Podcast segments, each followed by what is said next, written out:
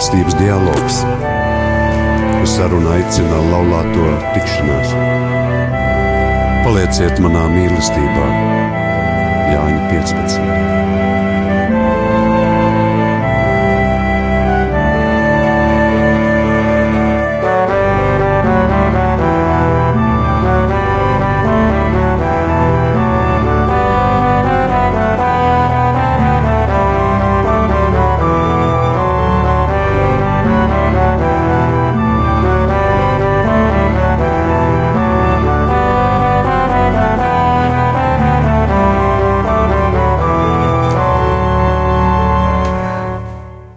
Lai ir slavēts Jēzus Kristus.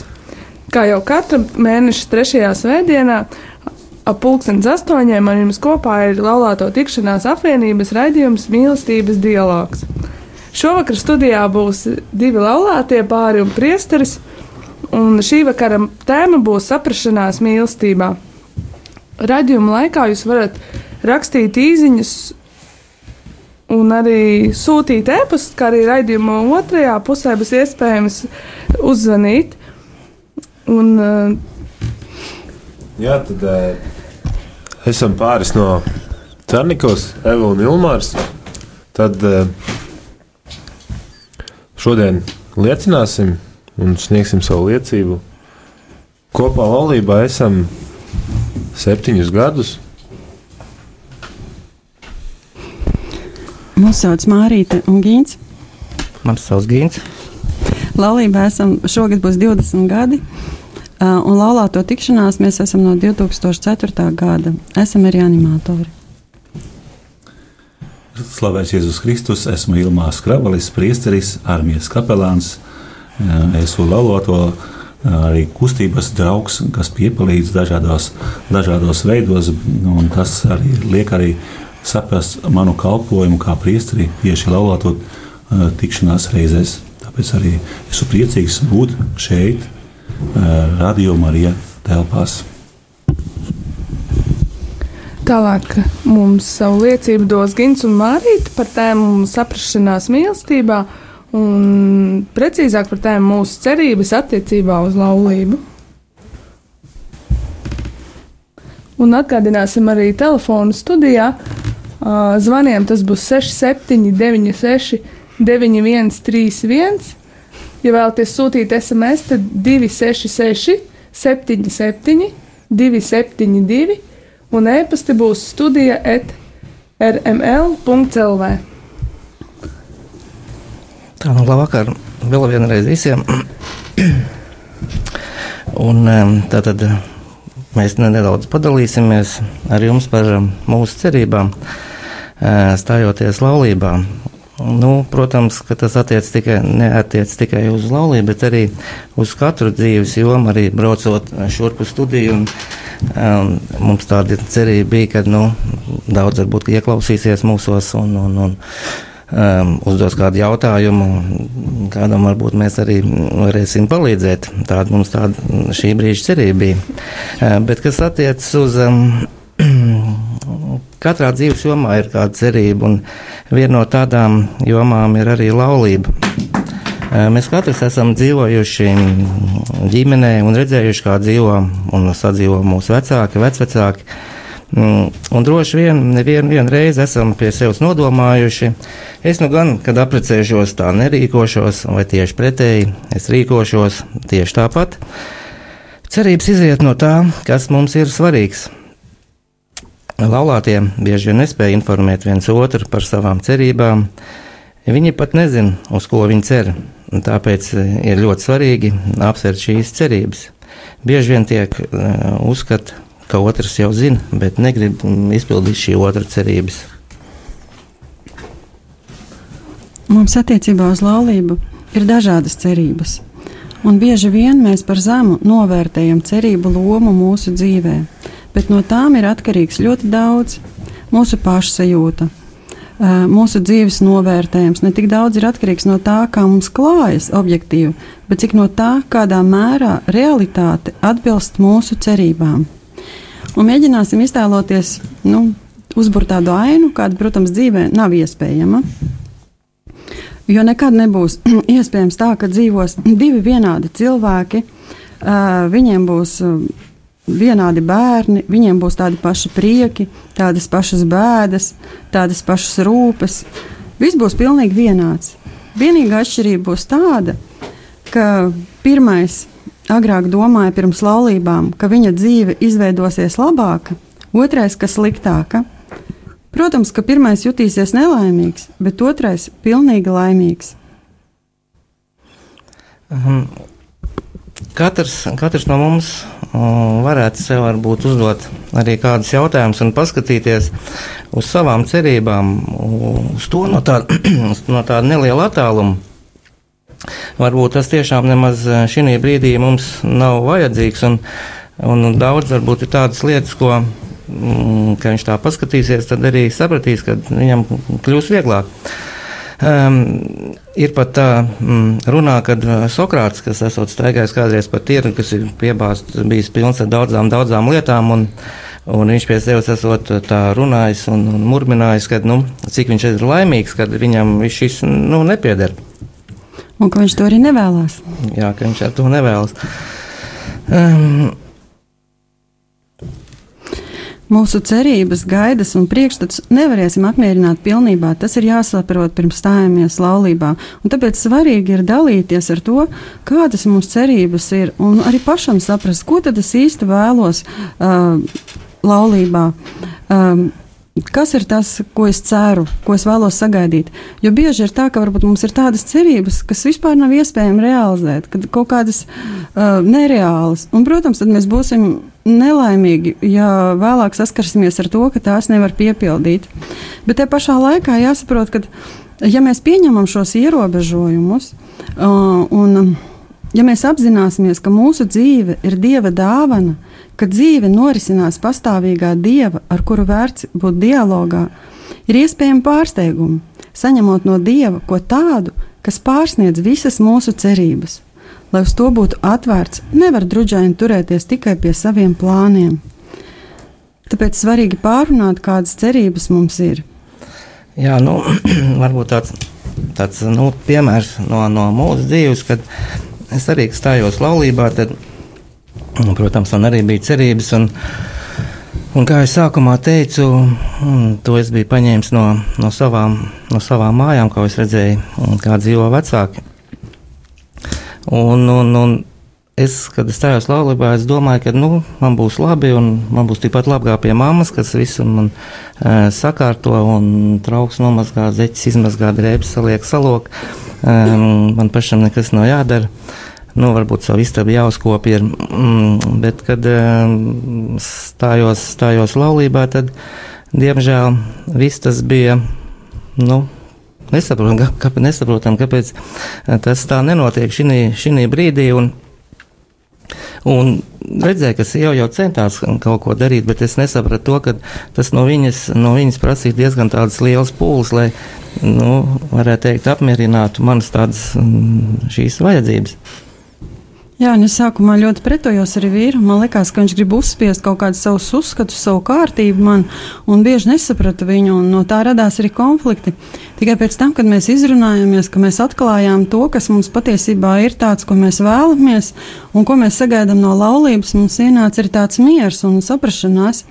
Un sākumā es ļoti pretojos tam.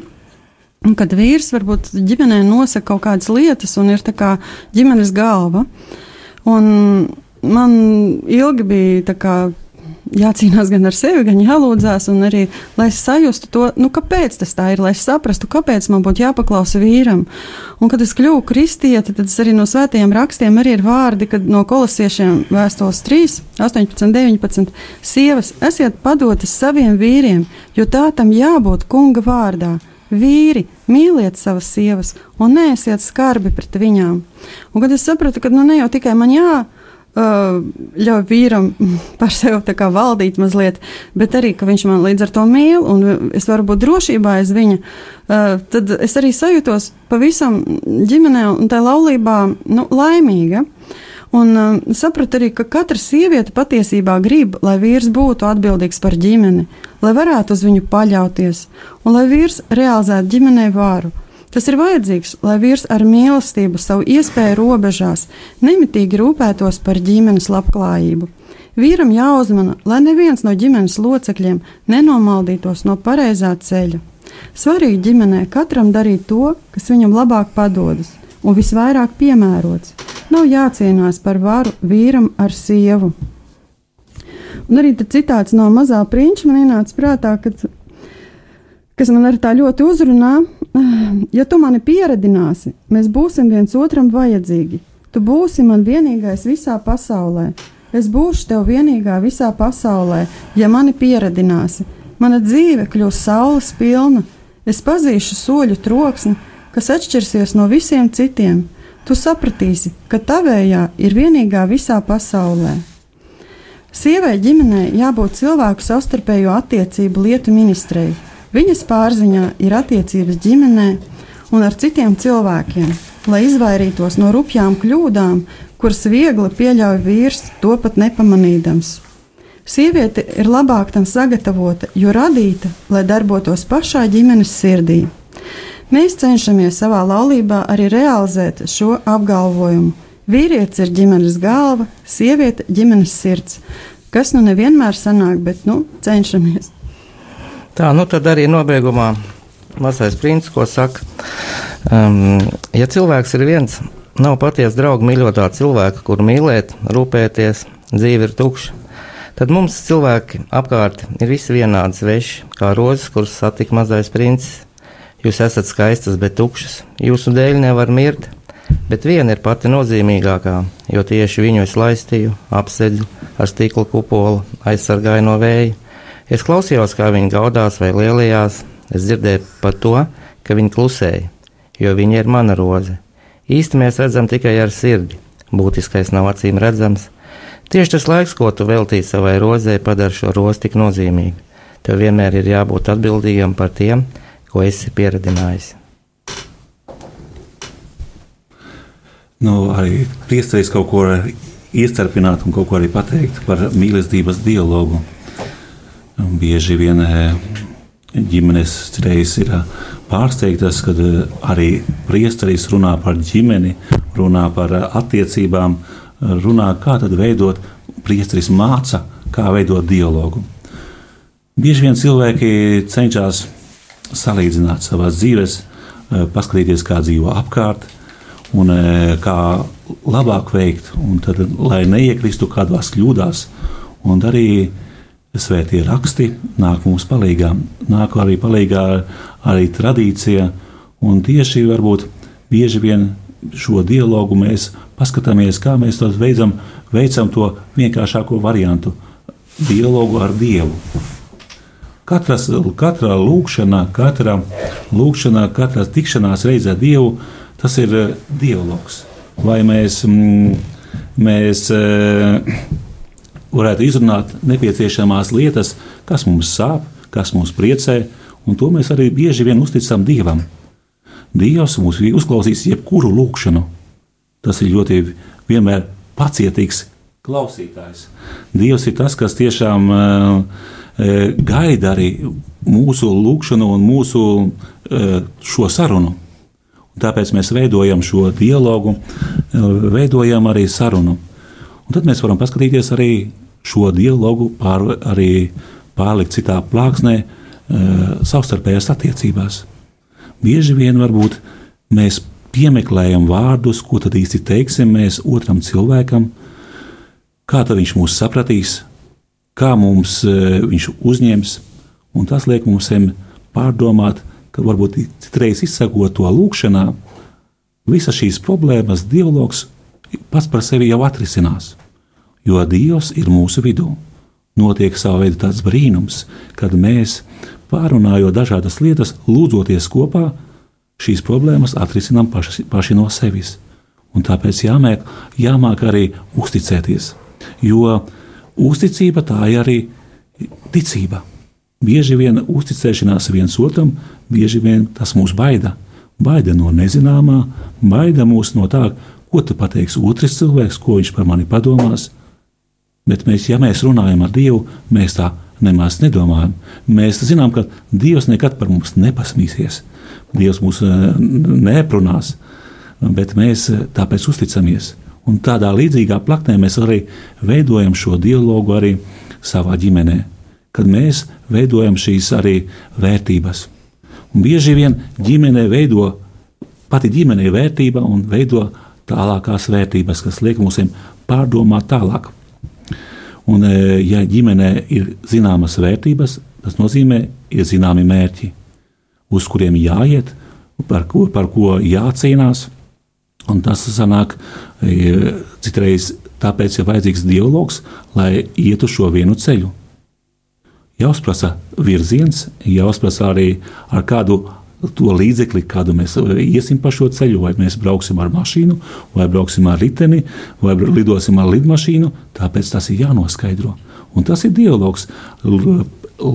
Papasīt otram cilvēkam e, šīs mazās lietas.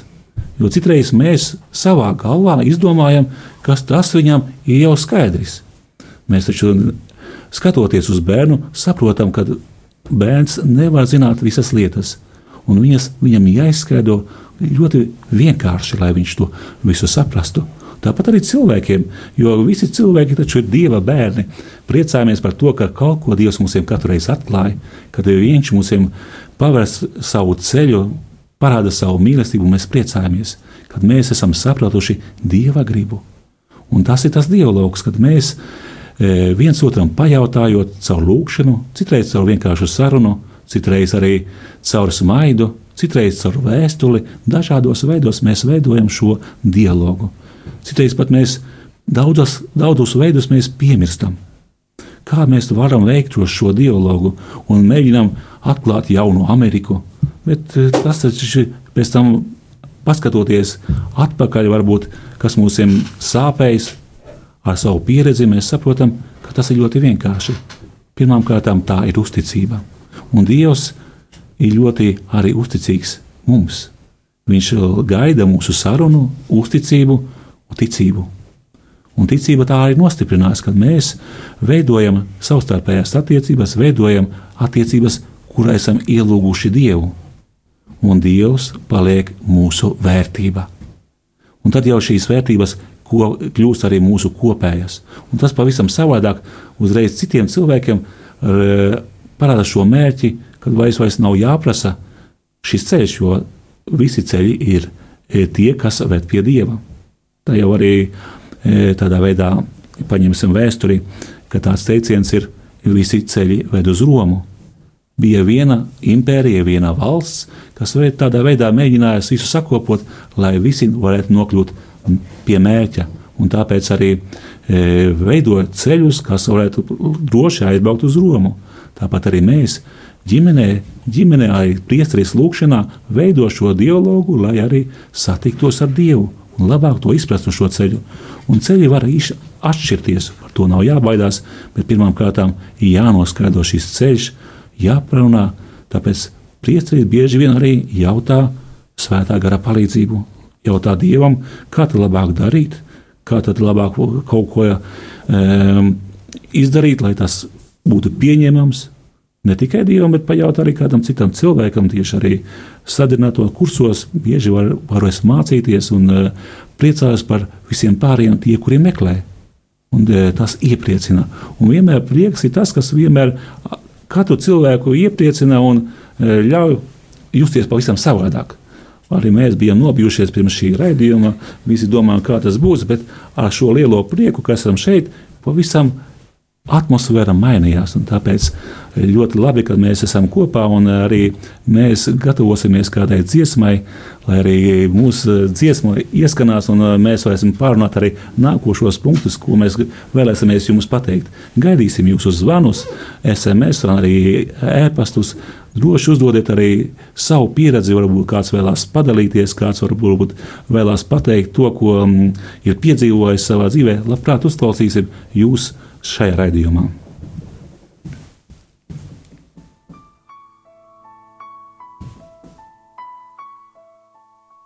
Seju būtu.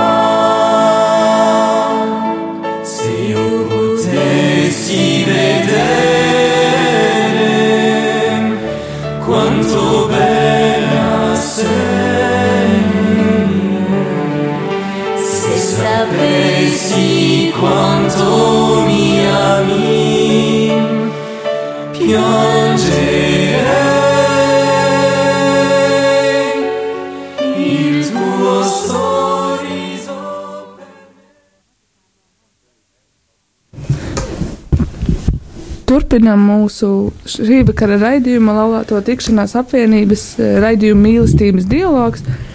Un eh, tālāk mēs ar Eva un Ilmārs padalīsies um, sīkāk par tēmu, saprašanās mīlestībā, precīzāk tēmas, par kurām viegli un grūti ar tevi runāt. Mēs, laikam, esam viens no tiem pāriem, kuriem dialogs mēdz bieži būt arī ne tikai ikdienā, bet mums dialogs ir gada periodā daudz. ie- Mēs, mūsu dialogs ir arī no attāluma, līdz ar to tas ir nedaudz savādāk. Jo bieži vien par tām lietām runāt, kad esam blakus viens pie otra, vai esot dzīvojot vienā mājā, strādājot kaut vai Latvijā, vai tā, vai telefoniski, tas ir nedaudz savādāk. Atšķirībā no tā, ka tu neesi pat vienā valstī ar cilvēku. Un, um, kas ir pats būtiskākais, mums ir jāsaprot, ka tev ir arī daudz jādomā par to, eh, ko un kā tu saki otram cilvēkam. Un, uh, mēs šajā savā laulības eh, laikā esam ļoti daudz eh, strādājuši pie tā, jo tas mūsu, dialo mūsu dialogs, kādu mēs veicam, nesot kopā, mums ļoti daudz ietekmē mūsu attiecības. Jo bieži vien mēs bijām tādi, varbūt katrs domājām vairāk pats par sevi, bijām bieži vien pārāk impulsīvi un nerēķinājāmies arī ar otru, gan ar viņa viedokli, varbūt viņa jūtām. Un līdz ar to arī tad, kad tavā ģimenē ienāk bērns, arī tad tev mainās viss tavā uztvere, varbūt, un tu saproti, ka tev ir jādomā bišķiņi varbūt savādāk.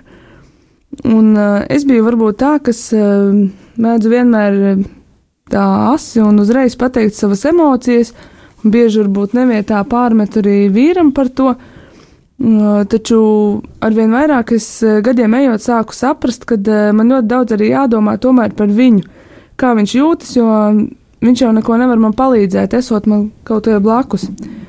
Un, um, līdz vispār runājot par mūsu dialogu, es vēl, vēl es nedaudz atkāpties no šīs tēmas, bet pastāstīt par to, ka es pirms iepazinos ar savu vīru, nebiju vispār uh, katolieta un nebiju vispār ticīgs cilvēks.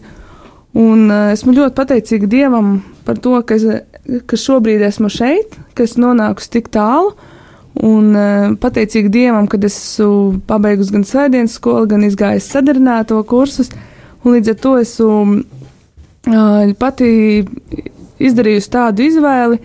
Un, uh, un man patiesi prieks, ka es satikusi savu vīru, ar kuru es varu dalīties gan savās labajās emocijās, gan arī nē.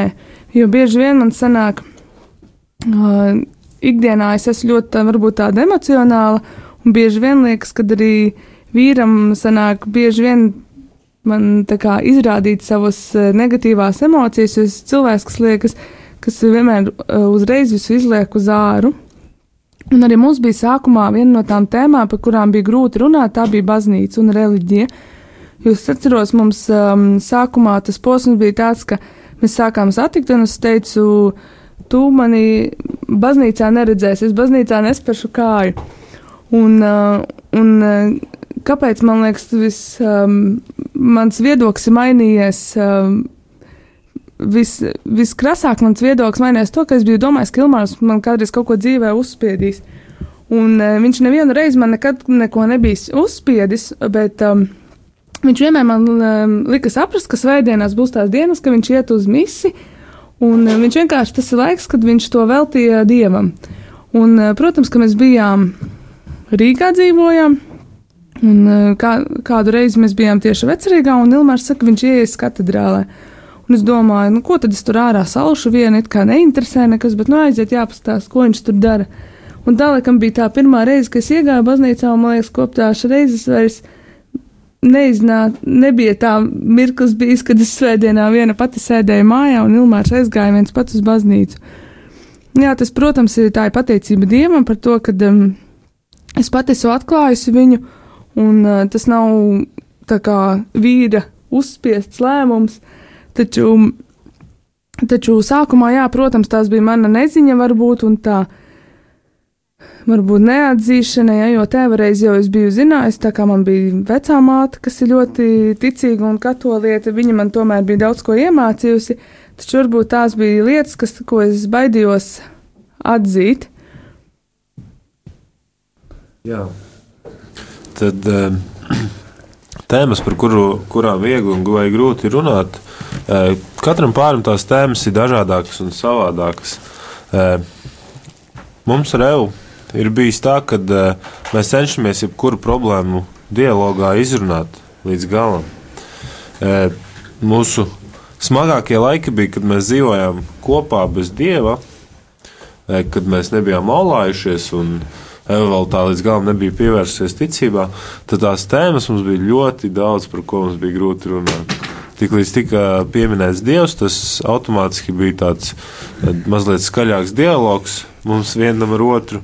Bet mēs runājām parasti, kamēr mēs atrunājām un runājām par šīm mūsu smagajām lietām līdz brīdim, kamēr mēs aizējām gulēt. Jo gulēt mēs centāmies iet izlīguši. Vienmēr mums, kā cilvēkiem, vissmagākās lietas, par ko runāt, ir noslēpumi, kaut kāda veida aizdomas. Jā, kā jau sieva teica, no pieredzes es samērā bieži esmu komandējumos prom no mājām.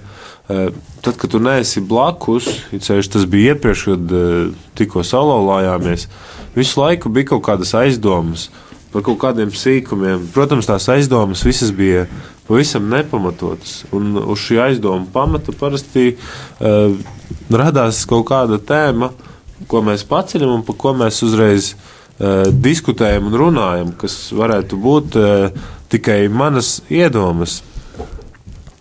Uh, es arī kā cilvēks kādreiz pavisam noteikti esmu bijis ļoti greizsirdīgs. Tagad jau mēs esam dialogā to greizsirdību nocirtuši vairāk vai mazāk. Uh, Un, eh, tā bija eh, mūsu, eh, es pat teiktu, tā kā tabū tēma, jo es, kad mēs sākām draudzēties, es par katru sīkumu biju greizsirdīgs. Es biju greizsirdīgs par Evas draudzenēm. Es, es biju greizsirdīgs par katru sievas izgājienu, kad viņa devās kaut kur ārā atpūsties ar draudzenēm. Par tādu katru lietu, es eh, principā radīju strīdu uz eh, līdzenas vietas. Eh, bet pateicība Dievam, tad, kad mana sieviņa sāka pievērsties Dievam, principā šīs te smagās tēmas, par ko mēs iepriekš strīdējāmies, viņas samazinājās ar vien vairāk un vairāk. Un, līdz šim brīdim mēs esam ļoti izkopuši jau uh, savas attiecības, kad greizsirdība vairs principā neeksistē, jo caur Dievu mēs esam sapratuši, ka mēs esam radīti viens otram, mēs tik ļoti mīlam, un ar šīm šķirtajām attiecībām, kas mums ir bijušas, kad es atrodos prom ilgāku laiku no mājām, mēs novērtējam viens otru. Un mēs saprotam, ka par tām tēmām, kurām mums bija grūti runāt, mums veidojās arvien labāks un pozitīvāks dialogs.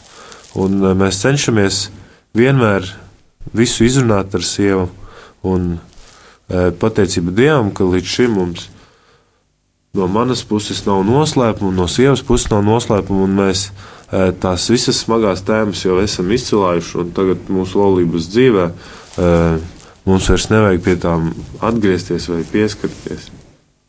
Protams, arī, jā, protams, laikam ejot, mums mēs esam tiešām iemācījušies ļoti daudz veidot dialogu savā starpā, un arī, protams, arī mācāmies arī tomēr mācāmies, lai otru cilvēku varbūt neizvainotu, un domājam arī bišķiņu vairāk par to, ko mēs viens otram sakam.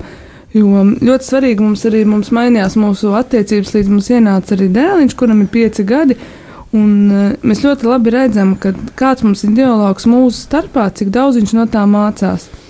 Jo mēs bijām ļoti pārsteigti, kad uh, mēs kaut kā ikdienas uh, lūkšana pie ēdama galdiem to veicam, cik daudz bērns to iemācās un cik uh, viņš tam seko līdzi. Un, protams, ja kādreiz sanāk tāda vārdu pārmaiņa, bērns uzreiz vienmēr ir nu, iejauksies. Viņš teica, nu, tā nevajag tik skaļi strīdēties. Līdz ar to daudz ir jāpiedomā tiešām, vai ko un kā tu saki.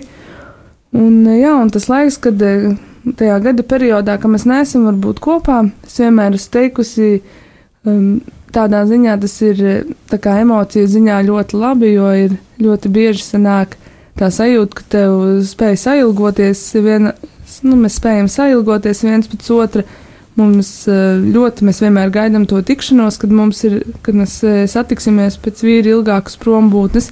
Mums katra no tām reizēm ir tāda tā kā maza svētki. Mēs vienmēr cenšamies arī um, bieži vien tā kā um, neveikt nekā tā kā, lai mums nerodas rutīna. Mēs ļoti daudz uh, cenšamies uh, iepriecināt viens otru, kaut vai izējot ārpus uh, mājas kaut kur vai vakariņās vai uz kādiem koncertiem. Uh, Un, eh, bet bieži vien varētu būt tā, ka ir pāri, kuriem, mm, kas iet varbūt tādā vairāk kā rutīnā un, un ikdienišķajos, eh, ikdienišķās varbūt tādās lietās un aizmirst tiešām viens par otru. Eh, tieši tādā ziņā, kad aizmirst, kā kopt savas attiecības, un varbūt bieži vien nav vajadzīgi līdzekļi tam, lai tas nebūtu tā, tā kā rutīna, bet lai iepriecinātu viens otru. Uh, Un, eh, protams, ka vienmēr būs arī kādas tēmas, par kurām mums eh, joprojām būs kāds varbūt savs viedoklis, būs arī kāda no tēmām, no kurām tev varbūt mazāk gribēsies. Man, piemēram, tāda bieži vien mums būs par finansiāliem kaut kādiem līdzekļiem, ka es varētu, varbūt, nezinu, apģērbos vai kādās lietās iztērēt vairāk, un, un vīrs man mums var, varbūt teiks, eh, kur tu to naudu tā iztērē, varbūt labāk kaut, kaut kādiem citiem mērķiem. Viņi, protams, ka būs arī sarežģītie, kaut kādi sarežģītāki jautājumi, bet mēs tiešām esam ļoti daudz iemācījušies veikt to dialogu un risināt mūsu savstarpējās attiecības. Un, un bieži vien arī tādā veidā izvairoties no strīdiem. Un atgādināsim arī mūsu studijā, ka ir, jūs varat sūtīt ēpastus, uzdodot savus jautājumus, vai arī daloties, kā priesteris teica, pieredzē. Ēpasts ir studijiet Radio Marija Latvija rml.lv vai arī zvanīt uz telefonu numuru 67 969 131 vai sūtīt SMS uz 266 77 272. Un tad dosim vārdu varbūt priesterim arī pabeigt Jā, par tām tikšanās reizēm, dialogiem un um, arī sarunām. Bieži vien ir, ir tās tēmas, kas ir grūtas, ko grūti uzticēt, ko grūti pateikt.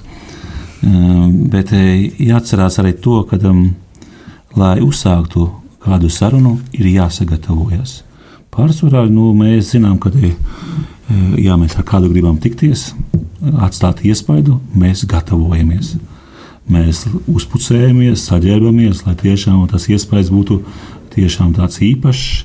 Vēlamies mazliet sevi parādīt no labākās puses, kad mēs domājam par šo tikšanās reizi.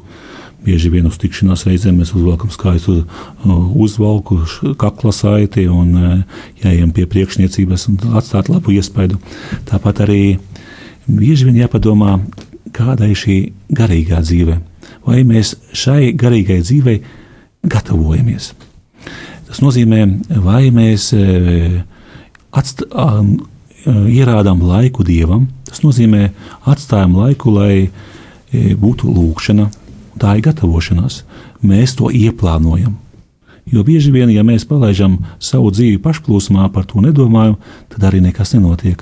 Ir ļoti svarīgi ieplānot un sagatavoties. Iejot baznīcā, mēs ieraugām arī, ka tur ir kaut kāda sava kārtība. Ieraugot mēs baznīcā, kad ir svētbildes, ieraugām arī sveces, sākam domāt, vai kam tas viss domāts. Pieņemsim sveci, iededzina, lai tiešām tās izgaismotu ne tikai telpu, bet arī mūsu lūkšana tuvotos Dievam. Un tā, tā ir sava veida sagatavošanās reize, kad mēs gatavojamies. Un e, arī liturģijā ir šīs sveces, kas liturģi, e, jo svece ir gaismas nesējs, un svece arī simbolizē pašu Dievu, Jēzu Kristu. Tie, kuri varbūt klausītāji zinās, ka uz lieldienām arī svēta īpašo lieldienas sveci, un kas atgādina mums Jēzu Kristu. Un tā ir svecei, tā ir sava veida gatavošanās, apgaismo mūs. Tāpat arī e, vieta, kur mēs to darām. Bieži vien e, varam mēs teikt, ka lūgties mēs varam jebkurā vietā, braucot tramvajā, braucot automašīnā, bet bieži vien, ja mēs sagatavojam sev vietu, sev saucamais to vietu, kur mums ir patīkama, mēs ilgāk vēlēsimies pavadīt laiku, pieņemsim, dialogā. Dialogā ar Dievu, dialogā arī ar otru cilvēku. Tāpēc ir padomāt arī par šo vietu. Nu, nebūs ērti, ja mēs e, veidosim dialogu, pieņemsim ar Dievu augstā laikā, pieturā uz soliņa tad jau rokas būs nosalušas, mēs drebināsimies un domāsim, vai tiešām katru tur kādu siltu tēju iedzert, un vairāk domāsimies par citām problēmām, nevis mēs pacelsim savas domas pie Dieva, veidojot šo dialogu. Tāpat arī noteikti, ja tu esi uzaicinājis uz randiņu meiteni, noteikti negribēsi visu laiku uh, ziemā salā pavadīt uz šāda soliņa, pieturā, lai tiešām nosaltu. Jūs vēlaties varbūt kādā, e, varbūt labā vietā pavadīt šo laiku, kur varētu tiešām parunāties, e, nebūtu piespiesta atmosfēra, neviens tevi netraucētu. Un tas ir attiecās ne tikai zacamais, uz divu cilvēku dialogu, bet arī attiecībā uz Dievu. Tāpēc esiet arī aicināti jūs veidot dialogu, ja ienākat baznīcā. Bieži vien cilvēki nāk uz baznīcu tikai uz svētajām misēm, svētdienās un saka, nevaru atrast tur tādu īpašu sev patīkamu vietu. Bet varbūt ir ieteicams atnākt varbūt stundu iepriekš, iegriezties darba dienās, kad jau baznīcai klusa, tiešām tur var aizdzināt kādu sveci un veltīt šo laiku īpaši e, šim dialogam ar Dievu. Un tas būs pavisam savādāks. Šī, šī tikšanās reize ar Dievu būs intīmāka. Tāpat arī cilvēki, kādi gatavojušies, veidojuši, domājuši par šo tikšanās reizi dialogu, uzreiz cilvēks uzreiz sapratīs. Pieņemsim, es esmu ieaicinājis savus viesus, ja saprotams, ka saimnieks ir gaidījis viesus, viņš jau ir sakārtojis istabu, sakā, ja sagatavojis ēst, sataisījis mīlestību, pacienā kādu dzērienu, un tas liek saprast, ka tu esi gaidīts un cilvēki uzreiz par to, to arī novērtē. Tāpat arī ar Dievu šajā tikšanās reizē, kad mēs e, veicam šo dialogu, mēs esam sagatavojušies, un Dievs mūs ieraudzīs, kad Viņš ir gaidīts mūsu, mūsu vidū. Tāpēc arī padomāsim arī mēs e, par arī šo dialogu veikšanu, apkārtējo vidi, un arī ar kā mēs veicam, veicam un sagatavojamies dialogam un šī visi pārējie ārējie apstākļi. Tāpat arī gaidīsim arī jūsu, varbūt kādas pārdomas, jūsu ieteikumus un uh, kādus jautājumus, arī zvanāt pa šo telefonu, kur jūs dzirdējāt, un arī tagad varēsim paklausīt, paklausīties kādu arī mūziku.